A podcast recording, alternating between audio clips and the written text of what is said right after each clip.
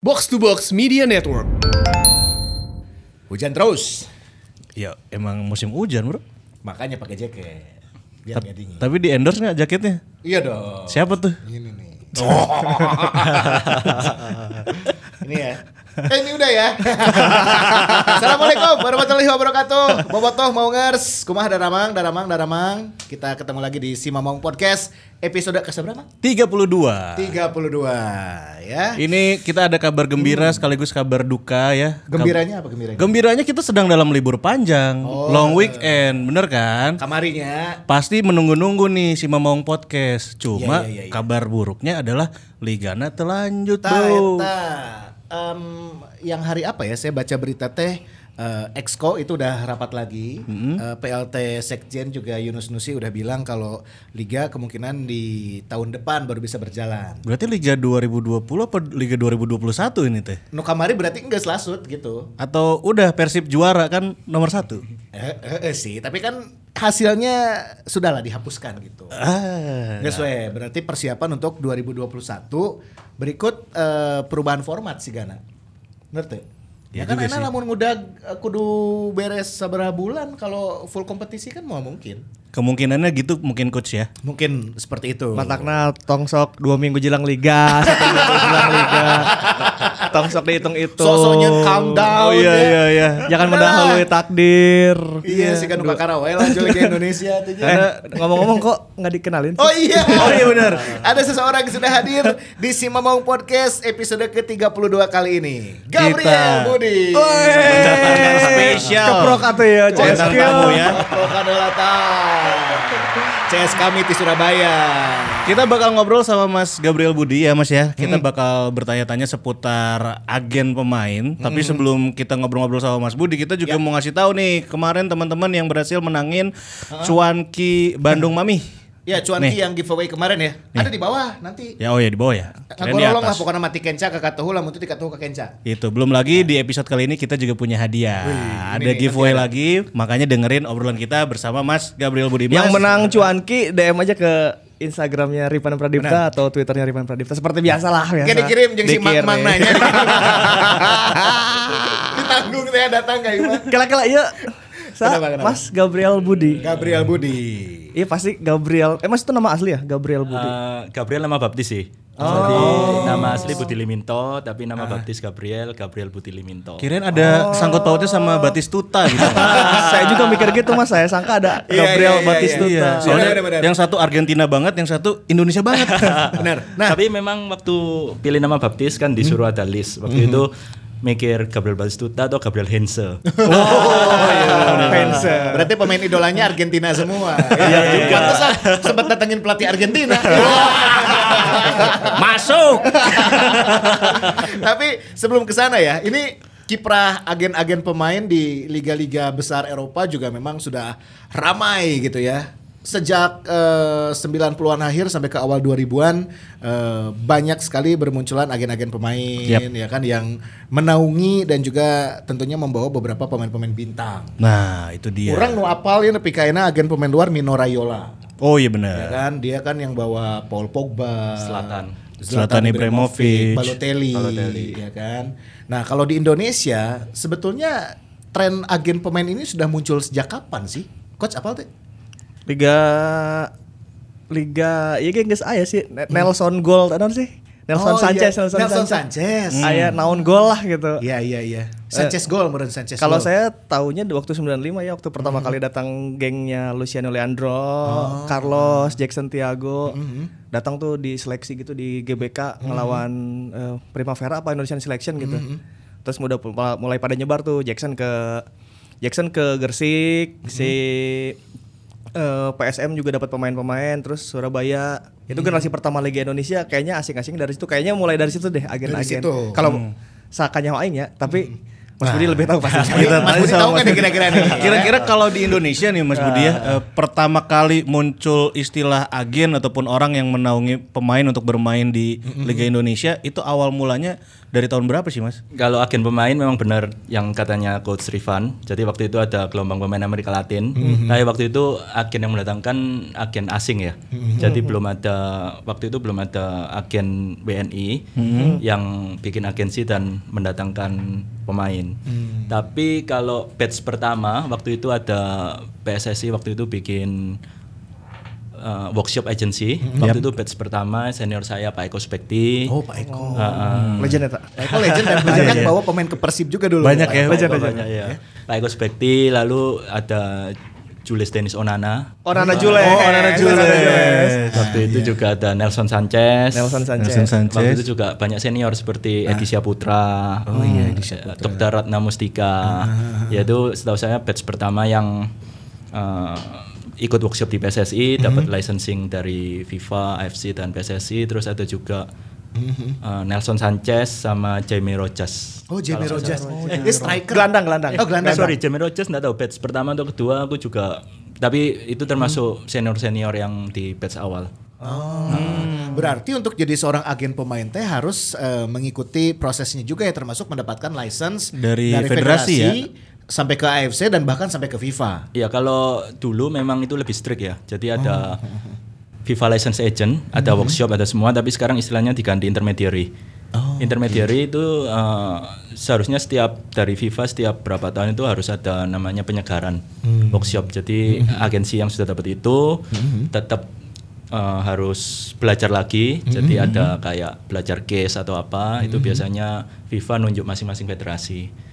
Tapi waktu setahu saya di Indonesia kan sempat banyak dispute ya di dalam apa di dalam persepak bolaan. Jadi s- sampai sekarang juga maksudnya lebih longgar. Oh, oke. Cuma itu memang apa namanya FIFA itu ada seperti manual peraturannya.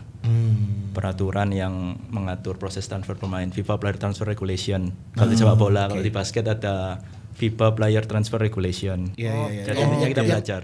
Yang jadi acuannya tetap ada. Iya, yang itu- dikeluarkan ah, ah. dari FIFA Iya. itu sih rulesnya tuh Iya, ya. jadi uh, seharusnya harus belajar workshop manualnya itu, lalu belajar studi case kan karena kalau dalam setiap transfer di semua negara kan beda-beda ya, case-nya Iya, seperti apa, status kontraknya seperti apa, gitu. Komode di Indonesia bro. unik kan, sepak Unik. bolanya unik. Ah, Udah mau- paling, paling antik Liga Indonesia Udah mau unik sesuai judul kemarin, extraordinary. unik unik. Luar Mana biasa. Pernah inget tuh Jibril Kolibali main di Persija Sa- pertandingan terus oh deh weh. unik pernah Iya, pernah iya, pernah, iya. pernah ya.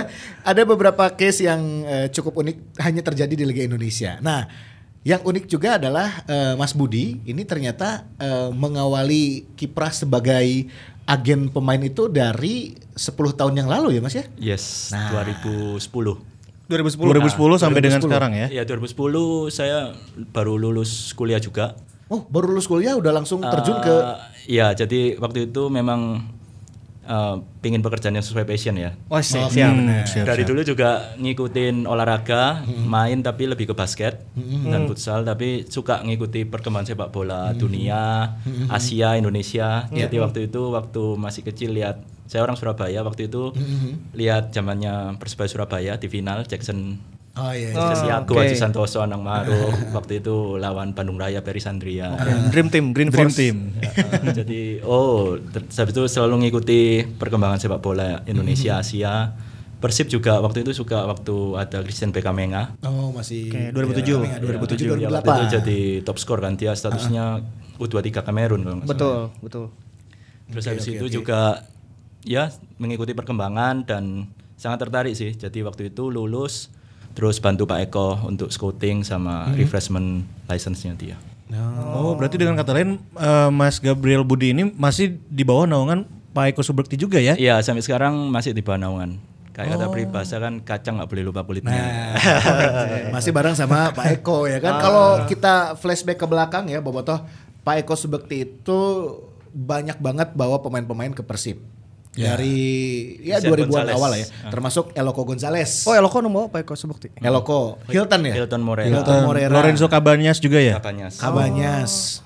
Oh, eta teh nu mama Pak Eko. Pak Eko Sebekti. Nah, tapi yang mungkin bobotoh ada yang sedikit awam nih ya, eh, Mas Budi aku juga pengen tanya. Sebenarnya fungsi agen di dalam sepak bola itu ngapain aja, terutama di sepak bola Indonesia, yang memang ya tadi luar biasa itu loh. ya karena kan dengan kalau dibandingin dengan sepak bola Eropa akan jauh ya. Nah, kalau di Indonesia tuh fungsinya apa sih? Sebetulnya tuh fungsinya apa, Mas? Iya kalau fungsi agen sendiri ya kita bicara secara global ya. Jadi agen itu kan representasi. Sekarang kita sebutkan istilah intermediary. Jadi jembatan antara pemain dan klub. Jadi agen itu harus menemukan win-win solution yang terbaik. Tentu saja kita pertama kan harus memantau pemain sendiri ya. Scouting, lalu kita juga harus uh, cek status kontraknya seperti apa, lalu kita juga harus negosiasi kontrak. Ya. Setelah itu kita juga, uh, tapi masing-masing agen juga punya prinsip kerja sendiri. Kalau saya dan Pak Eko lebih ke long term ya. Jadi kita hubungan harus jangka panjang. Jadi seperti pemain saya dulu juga di Persib, Spasojevic. Kita kerjasama udah lama sekali ya, mungkin sudah 8-9 tahun sampai kenal dengan keluarganya. Dia jadi best man saya waktu merit. Jadi fungsi di sini kita selain negosiasi kontrak, kita juga bantu dia untuk memaksimalkan plan karirnya dia. Terus kita juga yang penting harus ada bukan saat pemain itu sukses saja. Karena kalau pemain sukses saja nyetak gol banyak top skor menang juara permainan kontrak kan easy ya, tapi di sepak bola kan selalu situasional ya. Jadi kita harus ada waktu misalnya pemain cedera, itu saat-saat sulit kan. Kalau pemain cedera dia pasti banyak pikiran terus juga banyak pressure dari tim pelatih atau juga Iya. dia juga berlomba-lomba dengan keadaan badannya juga. Jadi kita harus ada juga saat itu. Terus juga untuk sponsorship mereka memaksimalkan apa potensinya mereka. Terus kita juga uh, apa namanya untuk bantu setiap proses negosiasi gitu. Tapi yang terutama uh, kalau kerja sebagai agensi itu memang ada beberapa prinsip dan masing-masing agen beda. Kalau yang long term eksklusif biasanya kita uh, harus selalu ada bukan hanya di saat senang tapi waktu susah juga harus ada. oh, itu dia. Bisa jadi teman bagi si Yes. pemain juga. Yang menarik ini adalah bagaimana proses menemukan pemain, Ah, ya iya. kan? Kalau Iya. mungkin klub-klub Eropa dia sudah punya talent scout, Yes. ya kan? Sudah bisa disebar di berbagai negara, berbagai benua, ya kan? Nah, si agent ini sendiri apakah melakukan hal yang sama kayak klub gitu kan? Punya talent scouting sampai ada yang ke pelosok-pelosok nyari pemain atau uh, yaudah gue tinggal lihat aja nih pemain timnas yang dari U19, U23 kira-kira mana yang potensial eh, di hire nih sebagai eh, pemainnya. Terus proses penyalurannya sampai ke tim itu gimana? Apakah eh, kita yang offering langsung ke mereka atau, Atau ternyata ada klub- orang lain lagi juga, atau ada klub timnya yang gitu. menghubungi untuk dimintain oh mana? Coba lihat dong ada pemain siapa aja. Nah kayak gimana sih mas? Ya tentu saja tahap pertama kita kan harus melakukan proses screening dan scouting ya. Kan itu juga variabelnya banyak. Biasanya kita juga lihat dari statistik CV-nya dia. Lalu juga kita penting juga referensi dari uh, pelatih tim terakhirnya dia yang megang, pelatih juniornya siapa. Lalu juga dari kalau bisa memang harus kita harus ketemu pemainnya langsung karena kan juga kita kalau milih pemain kan juga ada standarnya ya. Kalau dari agensi saya dan Pak Eko kita lihat dari karakter pertama. Karakter, komitmen sama kompetensi. Karena banyak pemain bagus kompetensi kalau nggak ada karakter komitmen ya percuma ya. Iya, iya, iya, gitu. Jadi kalau karakter komen kompetensi oke lalu juga statistik bagus, referensi dari pelatih yang megang bagus, lalu juga kira-kira bisa adapt bagus ya harusnya bisa. Gitu. Cuma ya itu masing-masing setiap agent klub itu juga cara menilainya juga berbeda-beda. Iya. kan. Itu yang belusukannya Mas kalau ke daerah siapa Mas? Kalau di Indonesia? Kalau di Indonesia Yang belusukannya Ya, misalnya ada untuk pemain, da- lokal. Heeh. Pemain lokal biasanya itu kan eh, ada klub-klub lokal, klub amatir. Iya. Lalu biasanya mereka bisa naik ke apa pengcap apa nanti biasanya kan ada diputar liga lokal nanti kan bisa lihat sendiri waktu itu. oh jadi nonton langsung gitu lihat sampai ada beberapa Mas? yang langsung kayak gitu. Cuma kalau memang apa namanya sekarang sih cukup bagus ya kalau Indonesia maksudnya lebih mengalahkan pemain muda apa itu harus diapresiasi lah. Karena kalau namanya regenerasi memang kita nggak boleh putus di tengah. iya Iya, iya, iya. benar Nah, itu. Tapi kalau asing sendiri gimana? Mas Budi biasanya dapat eh, offering kah atau memang oh udah tahu ini udah kenal gitu kayak Spaso yang tadi udah diceritain. Oh, kalau asing ya ada masing-masing cara untuk melihat pemain ya. kalau biasanya ya datang langsung lihat latihan. Waktu itu aku pertama kali datangkan pemain Australia dari A-League Andrea Yukik, David Misewski, dari Perth Glory. Oh, yang yang L, IPL ya? LPI, LPI, LPI, LPI. Oh, iya, iya, iya. Michael Chotkowski dari Persebaya, dia Iya, iya. dua paspor selama dunia. Waktu itu saya datang ke Australia, aku lihat scouting latihan, oh bagus. Terus bicara sama pelatihnya, terus lihat waktu game juga, oh oke berarti bagus. Kira-kira adaptasi apa, cocok. Terus bicara, ya puji Tuhan kalau bisa jadi deal. Tapi maksudnya yang penting juga tahu karakter sama referensi dari yang pernah kerja sama dengan dia ya. Oh. Hmm, Berarti track record penting juga ya. Track record penting karena juga kalau karakter apa juga untuk menentukan untuk adaptasi ya kalau pemain asing ya. Iya, benar-benar. Karena Iya. kan eh, mereka main di mereka datang sebagai foreign players. Jadi pemain asing. Jadi mereka harus adaptasi dengan kultur yang baru, Ya, bahasa yang baru, baru, bahasa, tempat juga tempat kan. yang Belum baru, cuaca juga. cuaca sama eh, banyak lah sama sistem permainan yang baru. Hmm. Makanya itu kalau eh, pemain Indonesia berangkat ke luar Hmm. itu juga mentalitas juga penting, mentalitas dan adaptasi. Oh, Gitu. Proses Gitu, itu ya. gitu. Jadi fungsinya sebenarnya adalah sebagai jembatan Ya. bagi para pemain kepada klub dan Pada juga mungkin klubnya. sponsorship ya, Ya, yang ya, ya. menaungi para pemain itu dan juga nggak cuma itu aja. Ternyata bagian jangan cuma senengnya doang Mas Budi ya. Kalau yang susah-susahnya terutama cedera gitu ya, gaji telat Mas ya. Mas Budi ini gaji udah telat Mas gimana? gaji. Iya, Boleh ditalangin dulu nggak gitu?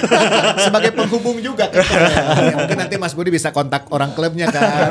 Bos, kasihan nih pemain gua nih belum digaji nih. Nah, mungkin bisa gitu. Nah, nah, eh, Mas yang membedakan ya pemain dengan agen dan non agen itu apa, Mas. Maksudnya kalau saya nggak punya agen nih, Iya, iya. dengan CG yang punya agen misalnya, itu yang membedakan apa sih Mas sebetulnya? Eh, mungkin sebagai bahan diskusi ya. Kalau misalnya agen biasanya kan kalau pemain misalnya terutama kalau pemain baru main di tempat yang baru dia kan butuh teman diskusi untuk beradaptasi. Juga sharing tukar pikiran juga bisa untuk memaksimalkan potensi dia. Jadi misalnya kita punya networking yang networking yang sama negara lain, klub lain, jadi kan kita bisa prospek karir mereka. Oke, jadi misalnya musim ini dia bagus kontraknya kan hampir selesai. Kita kan ada FIFA Bosman Rules atau apa. Jadi kita bisa kasih gambaran. Kita jadi bahan diskusi. Tentu saja kalau jangka panjang saya berharap pemain happy, klub happy kita bertahan. Lah, tapi kan juga sepak bola juga situasional ya. Karena tiba-tiba liga berhenti. Jadi kita harus lihat peluang dari negara lain.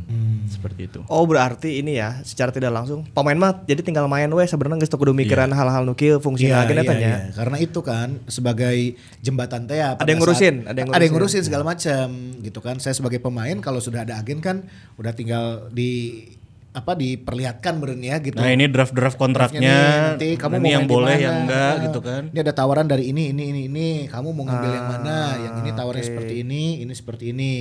Kalau mau di sini ya sok. Kalau mau di sini nanti ini ya kayak gitu itu lah. termasuk sponsor-sponsor juga ya Mas ya. Jadi kan biasanya pemain bola juga dapat sponsorship Ya, kan. personal endorsement seperti kita misalnya deal sama spot apparel apa kita juga. Itu agen juga, terlibat, mengurus. ya. Ya, sa- berarti hampir sama kayak manajer juga mungkin ya Mas ya. Iya, tapi kalau memang apa misalnya job desk-nya seperti manajemen artis, tapi kita kliennya pemain sepak bola dan klub sepak bola.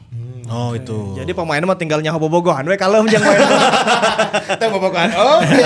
Iya, tetap harus kerja keras juga di timnya. Tapi Mas Budi, ini nih tadi yang alur dari ke dari dari pemain ke agen kan udah tuh seperti apa. Nah, kalau dari si agen ke klub ini, Iya. apakah seringnya si agen itu menawarkan, menawarkan offering gitu atau klubnya yang meminta ke kepada agen. masing-masing klub atau itu tadi klubnya langsung menghubungi agen apa gimana? Ya itu kan kembali pada situasi yang terjadi kan ya. Mhm. Ya kita bisa maksudnya kita offering oh ini ada pemain yang kira-kira bisa potensial, bisa bagus, kita bicara. Tapi kan tentu saja harus dicocokkan ya dengan Mhm. sistemnya pelatih gimana, budgetingnya gimana. Mhm. Jadi maksudnya ada banyak cara, ada banyak jalan menuju ke Roma. Wih. Ya, benar sih Iya, iya, disesuaikan dengan kebutuhan si tim itu Iya, juga. Kalau pelatih misal ke manajemen, oke saya butuh back, butuh gelandang, butuh striker. Berarti kan nanti pihak manajemen atau ya mungkin kalau di luar kayak direktur sepak bolanya Direktur gitu ya, teknik direktur ya, footballnya, ha. direktur tekniknya langsung hubungin ke Sport agen. ha. Gue lagi nyari pemain gini-gini nih, ada nggak stoknya? Oh Nah, banyak. Ah, apalagi kan Mas Budi pasti punya banyak list kan. ada nanti katalognya dikirim. GRO. Iya, iya. mau di WA atau mau di showing? gitu ya. Itu nah, dia. ini ngomongin Persib. Oke. Nah, Pemain pertamanya Mas Budi yang dibawa ke Persib itu siapa Mas? Vladimir Vujovic 2014. berarti mantap ya. Vlado. Ini dia, ya gladiator from Budva. Teman teman kita juga. Kela kela kela kela ya. Mas, ini nemu Vlado dari mana ini Mas? Kan saya di jagat Serbia aja. Iya, ini ceritain dong Mas, ini awal mulanya. Kenapa kok Bisa nemu sampai Vlado. Waktu itu sebelum persiapan musim 2014 ya.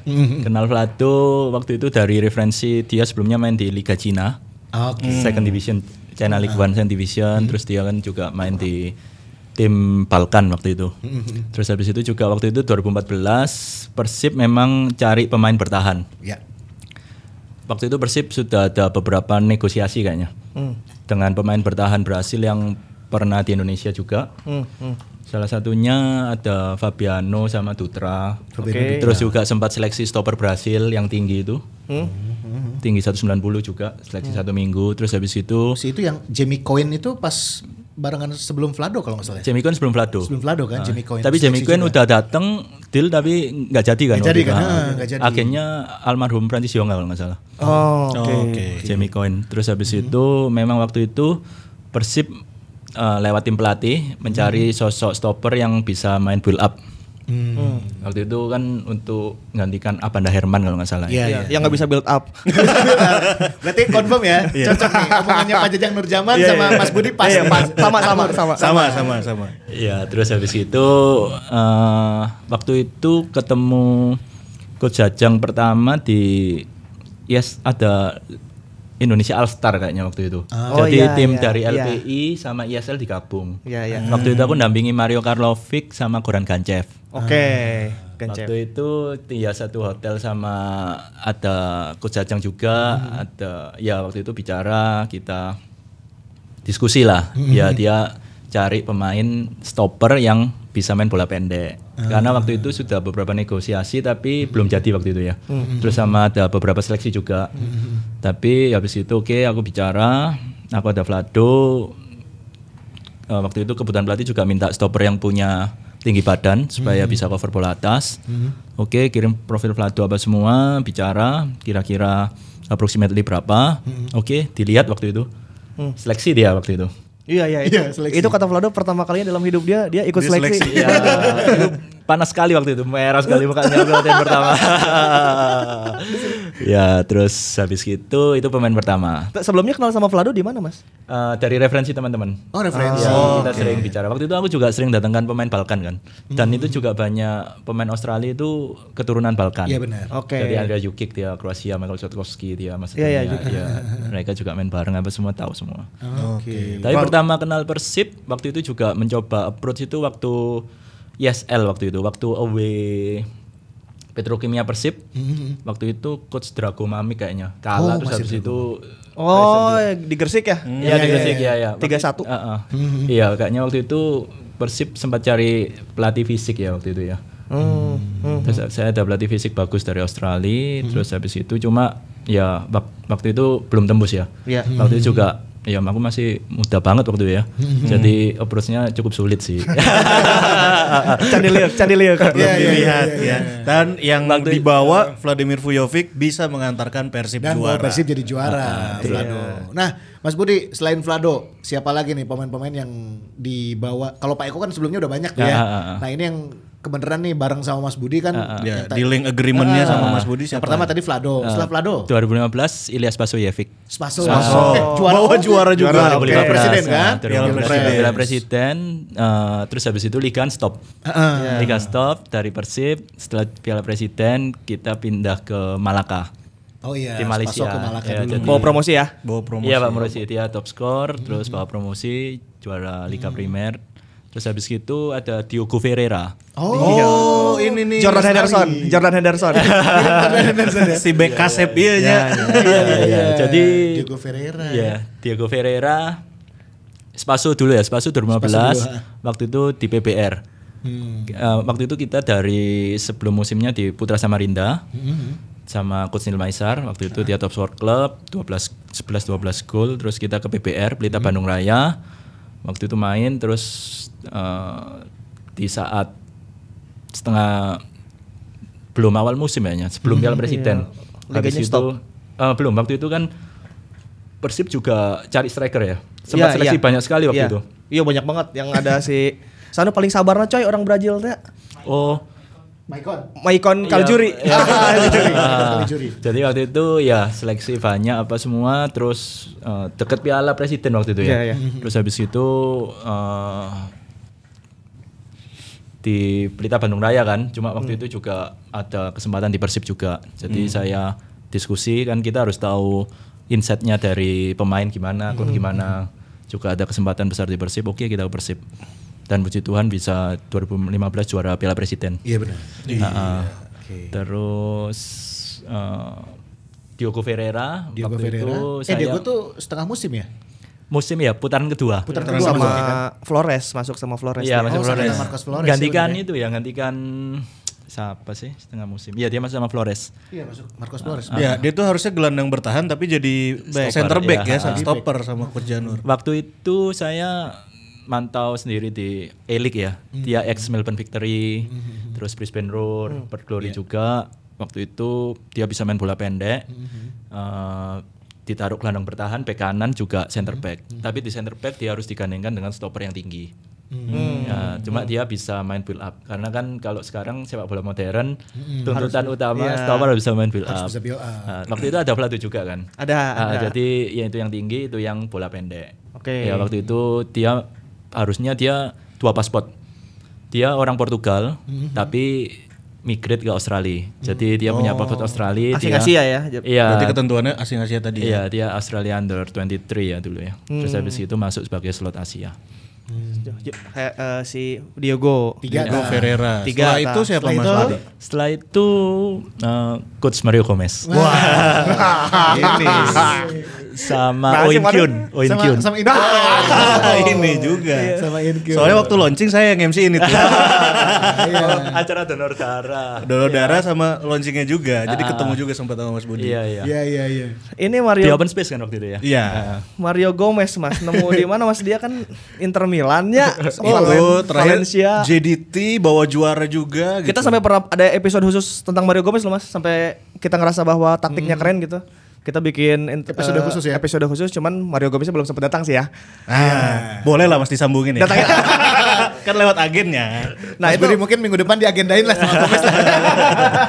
Mario Gomez saya sangat yakin dia tidak tahu sepak bola Indonesia Mas. Terus bagaimana cara Mas Budi meyakinkan ayo Gomez main lah di Indonesia lah coba. Eh, waktu itu ya dia asistennya Hector Cooper ya. Iya di Inter ya. Di eh waktu di Inter, Valencia, juga kan. dia sempat megang head coach Mallorca. Saya tahunya dari South China. Oke. Tim Hong Kong karena waktu itu saya bawa Ryan Griffith striker timnas Australia di South China juga bawa Josh Mitchell di Eastern Hong Kong. Coach Mario Gomez sebelumnya pelatih di South China.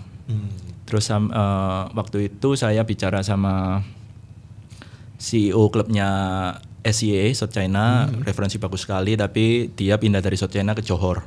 Hmm, JDT. Untuk ya untuk FC Cup waktu itu. Iya. Dan waktu itu Juara. saya lihat sendiri dia Johor ngalahkan South China.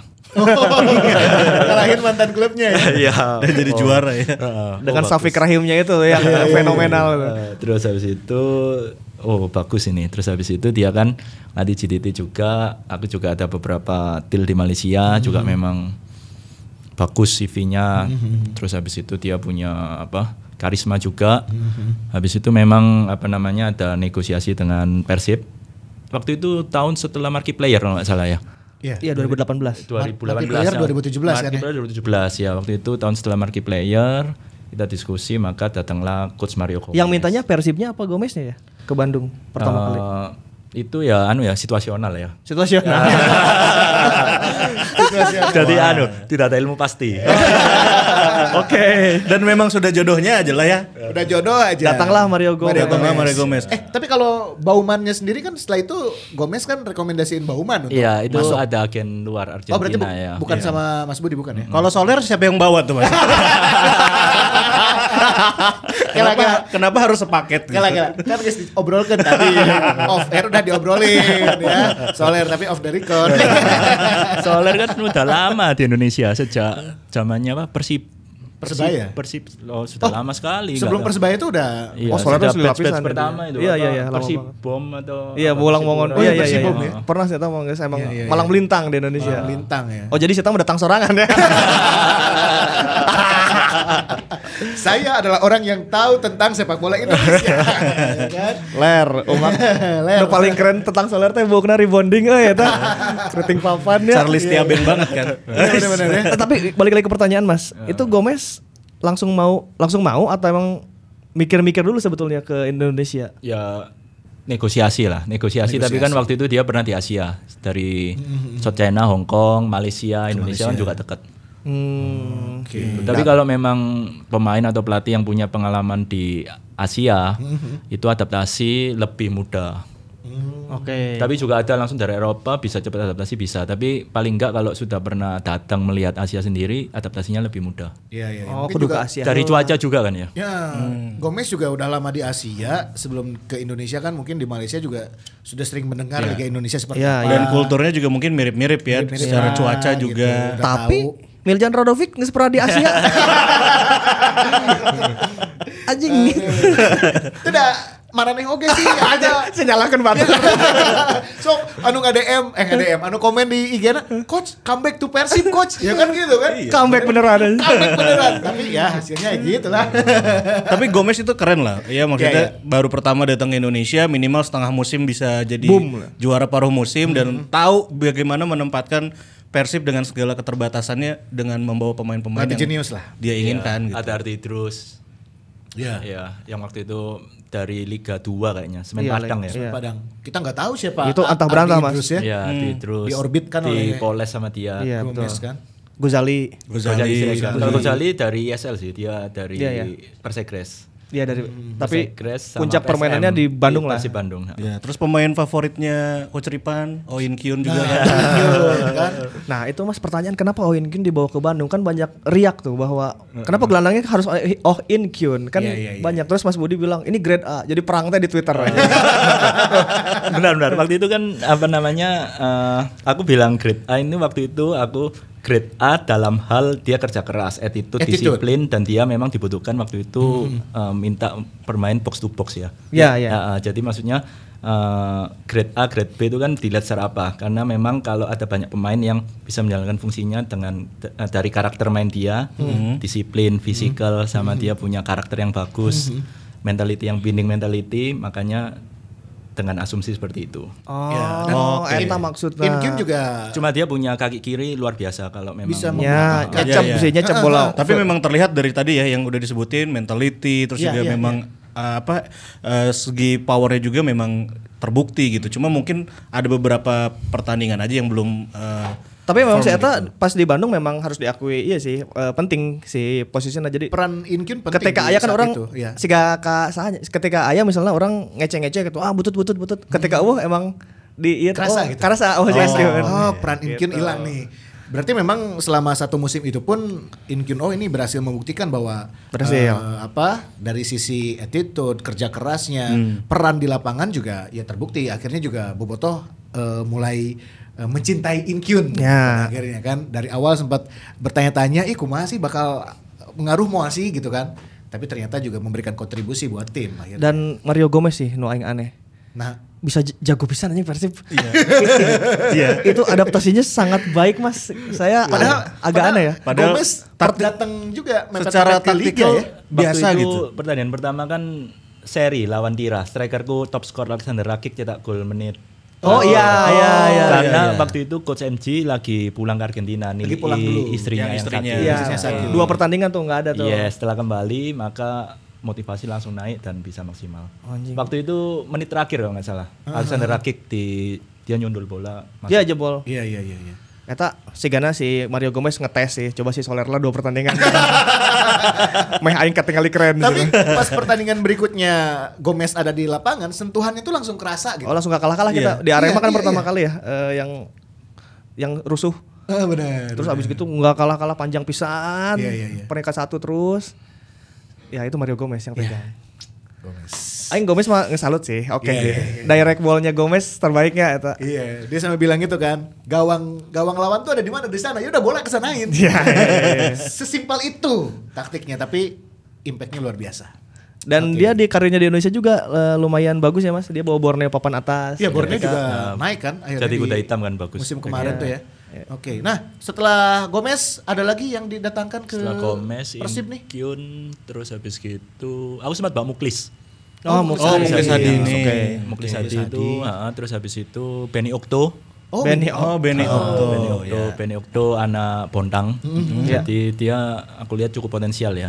Dia punya laju cepat, tapi ya pemain muda harus belajar.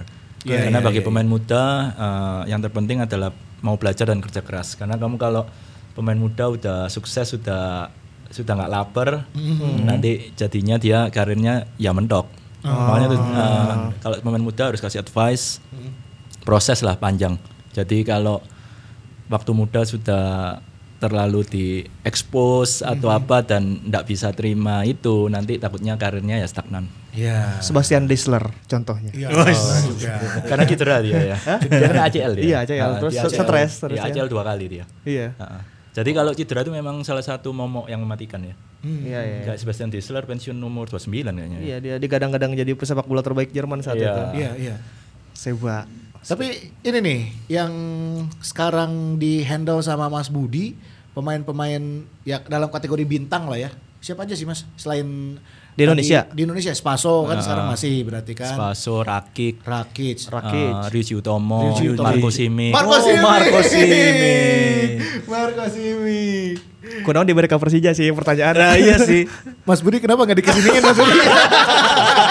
Ini one of the best striker di Indonesia lah. Salah satu striker terbaik. Mungkin saya dan Coach Ripan sempat ngobrol ya. Eh, sebutkan tiga top striker gitu ya sekarang yang ada di Indonesia. Iya, salah Eh, satunya David pasti ada nama Marco Simic. Marco Simic, David Silva, Eze, ya kan? Ezekiel. Nah ini Marco Simic ini, ya kan? Iya, iya, Eze iya. kan udah gabung sama kita, ya kan? Apa Mas sengaja pilih-pilih yang bagus dikeorangin biar Ini gimana ini? kan sekali lagi proses transfer kan luas ya, situasional. Iya,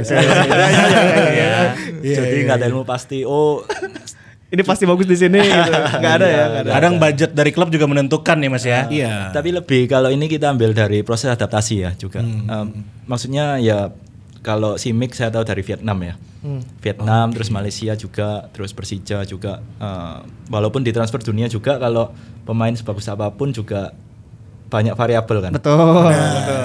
Shevchenko pindah ke Celtic Jus. Ya kan? Fernando Torres Iya.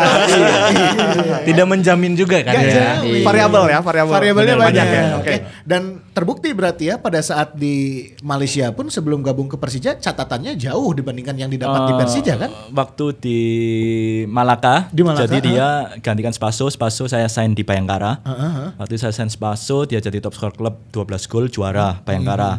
Waktu itu Simic gantikan Spaso, Spaso di Malaka. Waktu itu dia juga jadi top skor klub dan menyelamatkan Malaka dari degradasi. Setelah itu dari Persija juara Piala Presiden Liga 1 top skor. Nah, edan-edannya di Persija itu. Iya. Betul Iya. kan catatannya melampaui apa yang dia Yes. dapat waktu di Ah. Malaysia kan? Oke.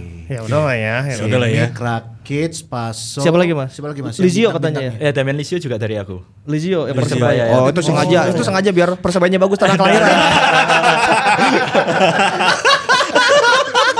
Kita sebagai Oke. agen kan harus Profesional. ya. Profesional Objektif, juga, harus Iya, objektif netral. juga kan, harus netral juga. Damian Lisio Persebaya Iya. dia main piala itu juga. Iya, itu salah satu yang gelandang keren tuh. Iya. Bagus itu Lizio. Sempat ada pembicaraan juga dengan Persib waktu itu untuk Lisio juga. oke. Dan mungkin kebutuhan pelatih ya karena dia murni trequista dia. Iya, trequartista ya. Ya, dia di dia di belakang nomor 10 murni dia. Betul, karena di sini udah ada Gian Zola ya. Damian Lisio ya, dia main piala lawan Persib. Iya, iya. Siapa lagi Mas Lizio? Terus Lizio nama-nama lainnya. Ada kalau di Ferdinand Sinaga juga aku bantu. Tapi Oh, iya. ke Oh, advisor oke. saya. Oh, advisor Ah, ya, Ferdinand. ah, jadi apa namanya kakak Ferdinand baik sekali juga orang. Kita terus ada Ryuji Utomo Ryuji oke. Bisa Jakarta. Ryuji tuh diklatnya di Bandung loh mas. Iya pernah di Bandung dia. Pernah, pernah Ah, dia. ah. Waktu Jaino ya enggak? Iya waktu Jaino. Jano Matos Ah, ya. untuk untuk Ferdinand mas di advice lagi aja. Gak usah ke Bandung. Jadi mah jadi legenda di orang we gitu. Mau ke Bandung bisa tuh juara deh coy. Jadi nggak sesuai saya datang. Catatannya udah manis Iya dia di udah manis mas. Udah jadi catatannya udah manis. kasih ke persebaya aja mas. Terus ada coach Stefano Cugura.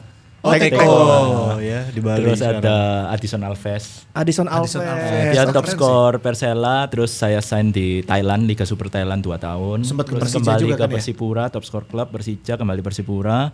Retire, asisten coach saya bawa juga ke Bali United. Jadi lama sekali kerjasama. Terus banyak dulu, ya. dulu ada Koran Gancev. Goran Ganceng. Duet Nahamka di Arema. Goran Ganceng. Final lawan Persib Iya, ya. Fight. Iya, ingat itu, masih ingat itu. Koran, Koran Persebaya, Arema, Bahrain, terus ada juga eh, siapa lagi ya? Si- si- Silvano waktu Bali United. Oh, Silvan Oh, Convalius. Convalius. Pemecah rekor Perisandria coy. Iya. 37 Skor gol 37 ya. gol. Silvano Convalius juga sebelum Liga Indonesia saya punya offer untuk South China. Hmm, Tapi waktu itu dia milih extend eh waktu itu mil- dia milih di Liga Kro- Ukraina. Ukraina. Setelah Ukraina baru saya bawa ke Bali. Oh. Di Bali top skor. Ah, ah, terus ada juga coach Milo Mirseslia. Milo Milo Mirseslia. Mirseslia. Oke, Coach Milo, Coach Milo Milo. itu dulu Persiba kan? Ya, ente ya tahun ngelekin Persib di itu. Oh, Milo mah Arema. Arema, Arema. Arema. Oh iya, Arema, Arema, Arema. Terus Arema Madura. Oh, iya. Waktu itu Arema 2016 ya sama Koran itu final Iya, lawan iya, iya, Persib. iya. Terus habis gitu ada Persebaya itu Australia terus timnas U19 ada Ada beberapa. ada Oke. beberapa timnas U16 kapten timnya terus juga ada Patrick da Silva Gresik United Patrick da Silva. Patrick da ya. Silva. Itu sempat Bu dirumorkan Koneng, ke Bu Oh, iya. Koneng. terus ya Rakik ya terus ya ada beberapa Uh, banyak banget berarti ya. Loba, Tapi loba banyak, di antara semua nama-nama yang tadi disebut nih, masih William Pacheco juga Oh, oh iya, Pacheco. William Pacheco Pacheco sepaket sama Teko itu. Iya, iya, iya. Nah, ini eh, dari semua nama yang disebut, terutama yang di Persib gitu. Siapa pemain yang paling berkesan menurut Mas Budi gitu? kalau aku Spaso Spaso. Oke. karena ya secara karakter komitmen kompetensi secara tapi paling salut sama mentalitasnya dia ya jadi waktu itu setelah karena kita sudah kerja sama sudah sama lama sekali ya kita ya jadi sudah seperti keluarga almarhum istri aku kenal anaknya kecil-kecil aku kenal sering main waktu dia di Bandung tinggal di Dago Pakar. Dago Pakar, ya. Nah, kita sering ngopi di sana makan bareng terus ya mentalitasnya kuat karena terkesan waktu juara musim lalu setelah tragedi waktu itu kan lagi kejar-kejaran Poin. title championship sama Bali Persipura. Habis itu tragedi almarhum istri meninggal. Waktu itu juga kondisi sulit ya. Ditinggal istri anak kecil-kecil juga dari klub juga. Human apa namanya sisi humanisnya. Apakah mau menenangkan pikiran dulu terserah pemain tapi Oh si dia- klubnya bol- ngasih itu mas ngasih kesempatan untuk Yes. ya udah nggak ikut liga lah juga nggak apa-apa gitu. Ah, ya jadi ada pembicaraan ya. Waktu itu kita ke rumah duka juga kan sisi humanis ya. waktu itu kita kasih kebebasan tapi dia oh enggak saya waktu itu setelah 3 4 hari dia join latihan. Terus habis itu main di Tipta lawan Persib Bandung. Dia miss penalti, miss penalti Oh, miss dulu penalti dia. dulu Oh ya? iya iya iya. miss penalti dulu, bab, miss penalti. Wah, aku lihat itu sudah wah. Apakah bisa bangkit atau malah Flop gitu Iya ya. malah flop. Terus habis itu dia nyetak gol. Nyetak gol, terus habis itu pertandingan berikutnya penentuan kalau menang di Padang juara. Dia cetak dua gol di Padang, login gelar juara. Wih. Jadi dari sana wow mentalitas luar biasa. Karena juga saya banyak search search secara psikologis pemain. Kalau di ada beberapa kejadian di Liga Amerika seperti American Football apa itu juga ada beberapa pemain yang ditinggal keluarganya. Itu either antara mereka bisa bangkit atau mereka malah terpuruk ada yang pensiun malah. Hmm, dia terpukul ya. ya terminate kontraknya dia fokus sama keluarga seperti itu. Jadi waktu itu memang apa namanya kita harus encourage dia sih. Situasi sulit waktu itu. Tapi dia buktikan dia bisa bangkit. Sekarang juga kepanggil timnas juga konsisten. Terus dia juga ya dia bisa melalui yang sulit itu ya. Melalui masa-masa sulit bisa bangkit lagi dan bisa perform lagi. Ini buat Khabib Nurmagomedov ya, mungkin kemarin keputusan pensiun karena tinggal almarhum ayah, nanti bisa main-main sama Mas Budi, ya kan? Nanti dibantu sama Mas Budi biar bisa fight lagi gitu. Ya Khabib ya. Mungkin ganti lagi bukan di UFC ya, tapi di tarungnya TV One itulah. itu kayak seperti coachnya Selatan Ibrahimovic kan. Iya. Pressure is like a medicine, just take it to getting better. Oh iya. Iya iya iya. Itu sih. Tapi kalau untuk urusan pemain nih Mas ya, ada nggak sih eh, pemain yang punya riders ketika ingin datang ke klub? Ah, iya. Ini Nah. nih antara satu pemain dengan yang lain pasti beda-beda. Pasti Iya, beda ya. karena kayak misalkan saya pemainnya Mas Budi gitu, saya pingin fasilitas apartemen harus di lantai 15. Betul misalkan. betul. karena karena gini saya ngedenger eh, pemain Persija yang dari Serie A itu. Wah, ada nggak nih Jiji? Aing kita nyebut kedengaran ya. itu katanya ridersnya tuh dua Alphard coy. Satu untuk keluarganya lamun misalnya saya takar latihan gitu jalan-jalan kamu atau sebagainya. Satu lagi buat dia kalau Satu lagi latihan. buat dia. Dua Alphard riders. Riders, Nah, untuk Mas Budi ini ada nggak sih Mas riders riders eh, di pemainnya Mas Budi? Iya, kalau setiap pemain pasti beda-beda. Beda-beda ya. maksudnya apa yang ekspektasi dia, requestnya dia beda-beda. Tapi lebih ke itu ya, misalnya kita bicara pemain asing dari negara beda-beda. Paling nggak mereka mau tahu kotanya. Biasanya mereka cari makanan dari negaranya apa yang ada. Jadi misalnya kayak dari Europe, mereka lebih cari ke oke ada pasta, ada kopi, bagus. Lalu ada paling enggak tempat tinggal itu kalau pemain minta yang nyaman, ada gym untuk jaga kondisi sama swimming pool. Jadi mereka bisa setelah pertandingan mereka bisa recovery. Oke. Tapi kalau pemain dari negara Asia mesti eh, pemain Jepang. Kosuke Uchida pemainku di Yangon United sama di Persela Barito.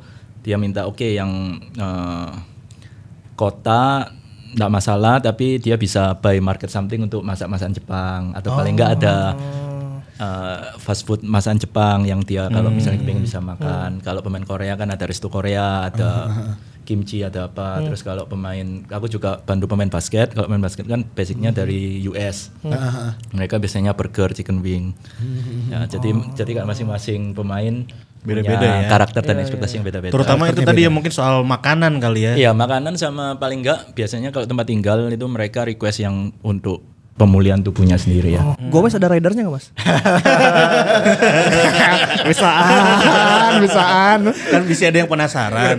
Soalnya kalau Fujovic apa pun dimakan, bakso aja dimakan sama dia. Coca-Cola. Coca-Cola. Iya, harus ada Coca-Cola Ya, kalau kalau Gomez kan good coffee. Oh, iya, iya.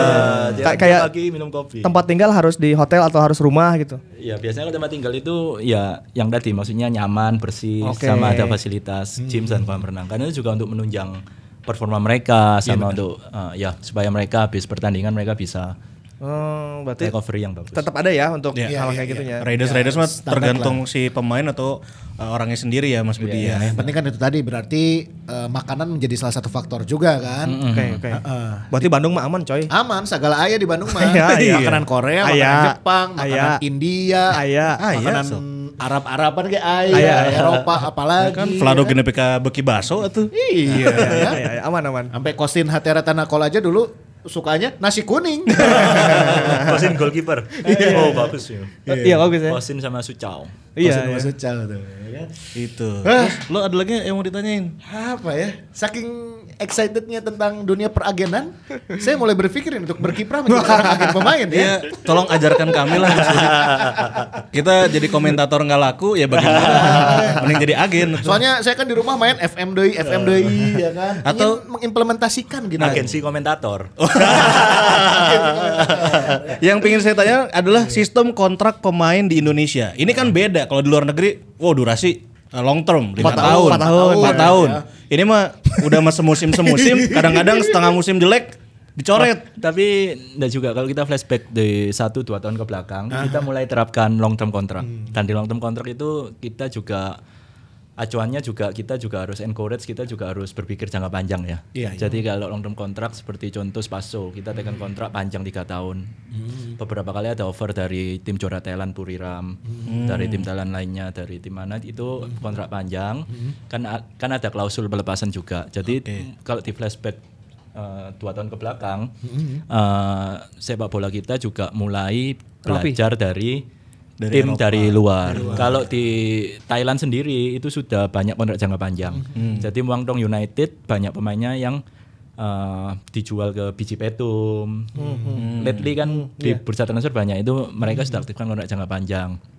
Juga perlu juga training compensation.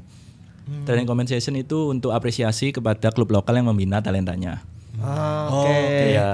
Kayak dulu Sugiantoro eh, waktu dibeli sama siapa PSPS apa bayarnya ke klub anggotanya ya, bukan Ya, ke klub, eh, klub klub anggotanya itu eh, kan ada nilai transfer. Hmm, nilai iya. transfer biasanya ada training compensation itu diatur di FIFA Pro Transfer Transfer Regulation. Persentasenya nggak besar, tapi paling nggak itu sebagai motivasi klub lokal untuk mengorbitkan Pemain. pemain-pemain muda baru dan mereka pasti oh ya pemainnya ini selain bisa bagus membawa nama baik Hmm, dan juga untuk biaya operasional klub lokal itu sendiri. Oke. Ya kita juga maksudnya kita sebagai agen fungsinya juga harus encourage itu sendiri ya. Jadi maksudnya jangan mau enaknya aja. Tapi kita harus respect. Jadi kalau saya tekan pemain muda, saya panggil orang tuanya seperti Kadek Raditya, timnas U19, angkatannya sekarang sudah di Madura senior. Jadi saya ketemu orang tuanya maunya gimana, prospeknya gimana, terus juga klub juniornya juga. Setelah itu tekan di Madura United tiga tahun. Ya seperti itu. Terus ada bawa dari Mamuju juga harus bayar training compensation ke tim daerah UTP Mamuju atau gimana. Jadi sifatnya sebagai agen kita juga harus edukasi ya. A- a- kalau di Indonesia ada nggak sih mas sistem kayak di Eropa yang misalnya orang udah dikontrak dua musim nih di klub lain, terus mau saya beli, itu kan harus ada Transfer. transfer. Transfer. Itu, itu udah ada belum di Indonesia kayak gitu? Sudah ada. Oh, udah ada. Oh sudah ada ya. Karena mungkin Tapi sudah ada tapi di Asia sendiri itu eh, belum cukup lazim ya. Ya, oh, Karena iya. kalau gitu ya, eh, kebanyakan tuh nunggu di- kontraknya habis iya, dulu kan. Di Asia sendiri juga enggak banyak sistem transfer fee. Oh, Yang oke, terakhir tahu Diogo striker Buriram. Oh iya Wak- dia. Waktu itu proses perpindahan ke GTT, Hmm. setahu saya pakai transfer fee itu sendiri. Oh, cuman memang tidak lazim ya. Tidak Iya, lazim. tidak lazim. Jangan kan di Indonesia di di ah, ah. Asia lain juga belum. Tapi di dunia bola basket itu lazim. Oh, kalau di basket sudah. IBL di. Di sudah. IBL udah ada kayak gitu. Ada. Meskipun masih terikat kontrak, ada transfer fee yang harus di Iya. Keluarkan, Gitu. Oh, Oke, ini pengetahuan juga ya termasuk ini eh, yang saya pengen tanyakan, kenapa sih klub-klub di Indonesia tidak mau mengumumkan nilai transfer? Oh, ha. tapi itu bukan hanya di Indonesia sih. Kalau misalnya di negara Asia Tim, Asia Timur khususnya mereka harus di close. Tab- tabu ya masih masih tabu. ya? Eh, ya, tapi ya mungkin ya mereka di close gitulah. Iya, iya. Cuma kalau di Eropa memang mereka sangat terbuka ya. Eropa lalu kalau kita nilai NBA bola basket itu terbuka.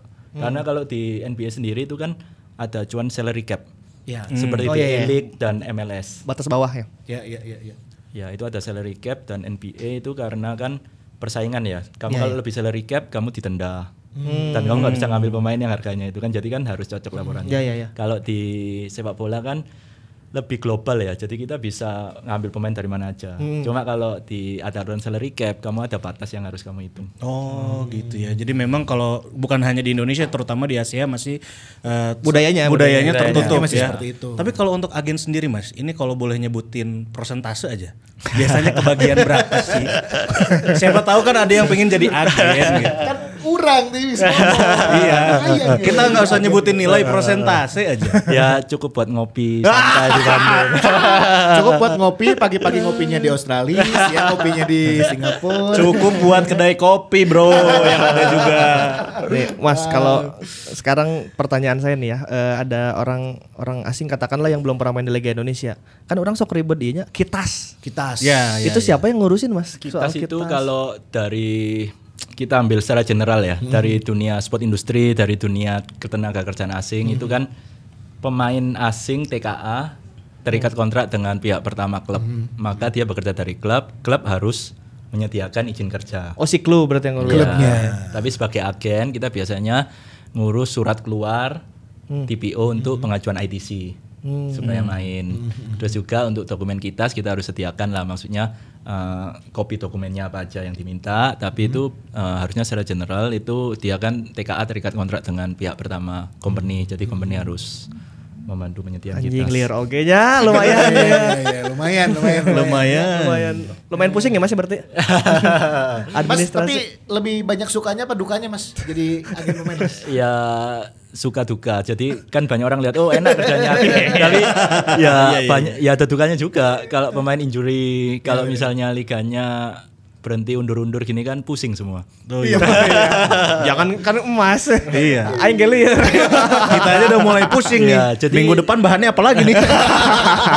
Sepanjang terlibat eh, waktu sebagai penonton kan pernah berhenti 2004 ya. Pelita nomor satu waktu itu. Iya bukan ya? berhenti yang 2015 Eh, sebelumnya waktu itu aku masih nonton sih. Waktu itu pelita nomor satu top skornya Mas Kurus, Ansyari Lupi. oh 97 98 Eh, 98 99 ya. krisis ya. moneter Krisis moneter itu berhenti. Pas reformasi itu. ya kita pelita pelita bakri paling luhur Pelita Bakri. Ya, Pelita terus habis itu sempat dispute 2011 IPL, ISL. LPI itu kan juga rancu sekali ya. Terus sampai bolak-balik berapa tahun berikutnya kan dibalik ada PSSI KPSI. Terus habis Iya, iya, itu 2015 stop, terus sekarang stop. Jadi ya banyak suka duka lah. Lengkap lah ya, sukanya ada, dukanya ada. Nih mas, kalau kalau Mas Budi kan terkesan mudah ya kalau mendatangkan pemain asing ke Indonesia. Nah pertanyaan saya kenapa untuk pemain Indonesia jadi tidak mudah untuk main di Thailand? gitu? Nah. Masalahnya gini ya, menurut saya kalau ada orang asing main di Indonesia, kadang tuh ada yang levelnya eh, ini sama aja pemain lokal. Gitu. Iya, iya. Artinya pemain lokal juga kan harusnya bisa bersaing di Iya. Ada prospek untuk main di sana. Iya di Malaysia, di Thailand gitu. Kenapa kayak seperti sulit ya mas untuk bawa pemain Indonesia untuk bermain di liga luar? Eh, saya pernah bawa pemain ke liga luar Ryuji Utomo PTT Rayong ya puji Tuhan cukup sukses dia juara Liga 2 main banyak juga reguler. Waktu itu dia mau belajar dia stopper. Tapi dia disuruh belajar defender right sama defensive midfield. Terus dia main bagus juga berani pegang bola apa. Ada improve lah dia juara Liga 2 terus habis itu pernah bawa salah satu waktu itu sih eh, potensial kan potensial dari Papua Stephen Anderson Imbiri Oh, Imbiri. Iya, itu dia saya sign dia di Persela Lamongan. Oh iya iya. iya. menonjol kepanggil timnas. Alfred almarhum Alfred Little. Terus habis itu saya sign di Miva sekarang Petaling Jaya PJ City. Sudah sign kita satu tahun tapi waktu itu homesick pulang ke Bali tidak bisa adaptasi. Terus ada eh, homesick kan, Nah, eh, homesick juga ya. Terus ada beberapa la- kali lagi Ferdinand juga sempat kita dapat offer dari Gelang Singapura. Pernah ke Malaysia juga tuh. Iya Kelantan, tapi Kelantan kan lagi teruk waktu itu. Ah. Kita juga waktu itu ada offer dari Geylang Singapura, tapi waktu itu memang eh, offernya juga kurang cocok ya secara facility. Tapi eh, kendala yang ada itu pemain Indonesia punya talenta bagus, tapi di sana itu kan juga ada kuota. Jadi kan eh, pemain Indonesia kalau ke sana sebagai foreign player dan sebagai foreign player kamu harus lebih dari pemain Lokal. lokal lainnya. Jadi ada beberapa cara keluar. Kalau misalnya pure quality, kamu harus different. Kamu harus punya beda. Kamu juga harus punya mentality kuat, nggak homesick. Terus kalau ada yang biasanya dengan investor. Tapi kalau dengan investor itu, kalau misalnya oke semuanya bagus lah. Mereka mau keluar dari zona nyaman. Tapi kalau dengan investor itu kan pasti ada perbedaan ya. Iya, iya, iya. Jadi eh, sampai saat ini sih eh, kita semua orang Indonesia berharap pemain Indonesia yang benar-benar pure punya kualitas bisa bersaing di liga luar. Nah, Kita harapannya itu. seperti itu. Emang iya berarti ya orang kudu bersaing jeung pemain-pemain luar atau masalah nanya. Ya itu dia. Terus juga mungkin ada beberapa regulasi dari beberapa negara yang tidak memperbolehkan si pemain dari luar negara yang peringkat FIFA-nya di bawah Yes. Liga Inggris itu. Nah, Liga Inggris juga terus juga ada beberapa negara juga ada peraturan EU pasport, Europe Union pasport. Kita kan dari dari Asia, Asia, terutama Makanya Asia banyak- Tenggara lagi ya. eh, Asia Tenggara. Terus dari itu juga banyak pemain Amerika Latin kan sampai main lama lima tahun baru dikasih EU pasport. Jadi dia sebagai kuota pemain lokal. Ah, iya iya. iya. Kan apa namanya semua pemain dari semua belahan dari Afrika, Amerika Latin, Asia kan semua kan mau ke kiblatnya Eropa yang Eropa. ke atas. Tapi kan dari kuota itu dipilih berapa? Gitu Ya, dia. di Asia kalah lah Indonesia mah benar. iya. Iya minimal mah adalah gitu Liga Thailand tadi Ryoji sudah bisa membuktikan. Sekarang juga ada Yanto Basna juga Ya kakak Yanto Basna. lagi bermain di sana. Terus juga kan kalau yang muda-muda Egi udah main di Polandia gitu kan. Oke, kayak berarti kesempatan aing nu aya sponsornya. Aing nu bawa sponsor. Ya, mana Bisa eta. investor, oke. Ya, investor, Itu investor. mau- Masalahnya di Thailand nggak ada agam Turki, nggak ada Liga Tarkam mungkin ya. Mas, mas ini mas. Aing ngomong Tarkam ya. Mas, ini mau misalnya nih ya. Misalnya saya main bola Eh. Agustusan atau Tarkam Tarkam. Itu pernah nggak ada ada nggak mas yang pemain Tarkaman ngabungin Mas Budi, Mas buat Tarkam dong Mas dua minggu. itu ada nggak sih Mas? Eh, Agen-agen Tarkam gitu yang pernah mau sekali dua kali kayaknya. Cuma kalau aku encourage pemain kalau ada kontrak ya jangan main tarkam lah. Soalnya nanti kalau misalnya injury atau apa Nah, kan kan juga di luar siapa itu yang ya. nanggung ya.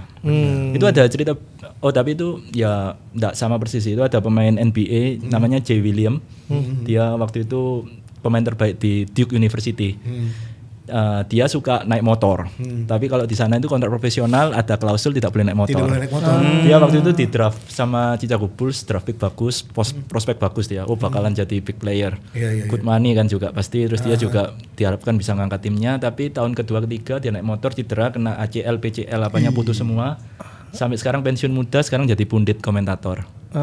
Iya, jadi maksudnya itu apa namanya? eh, berisiko. Beresiko ya ya. ada ada beberapa kan maksudnya kita nggak bisa menghindarkan tragedi ya misalnya main tarkam tiba-tiba kena Iya, hmm, sliding atau Banyak apa. faktor kalau Tarkam lapangannya yang enggak Iya. ini yang Berarti bagus. aing bisa ngagenan pemain Tarkam ya. Lah? Levelnya aja. Kita belajar dulu dari Mas Budi, tapi jadi agennya agen Tarkam. Lolotikan weh lah. Ya, biasa. Lah. mengagenkan yang eh, pemain pro gitu. Mereka kan kemarin jadi agen lima seraga inti LPG. Oke, waduh, dia. luar biasa. Tapi- banyak informasi dan banyak eh, ilmu yang didapat ya. Betul. Iya. Terakhir mungkin Mas Budi mau ngasih pesan ataupun eh, apa ya, wejangan lah mungkin buat teman-teman di luar sana yang pingin jadi agen gitu ya. Atau mungkin buat pemain muda nih. pemain muda harapannya dari Mas Budi sebagai se- seorang agen pemain gimana? Eh, kalau untuk pemain muda ya tentu saja pertama harus tetap belajar dan kerja keras, harus terus lapar ya. Karena kalau pemain muda tapi sudah eh, terlalu over media sama dia nggak bisa handle caranya dia nggak tapi kesuksesan sendiri nanti terjebak di zona nyaman dan karirnya ya mentok cuma itu itu aja.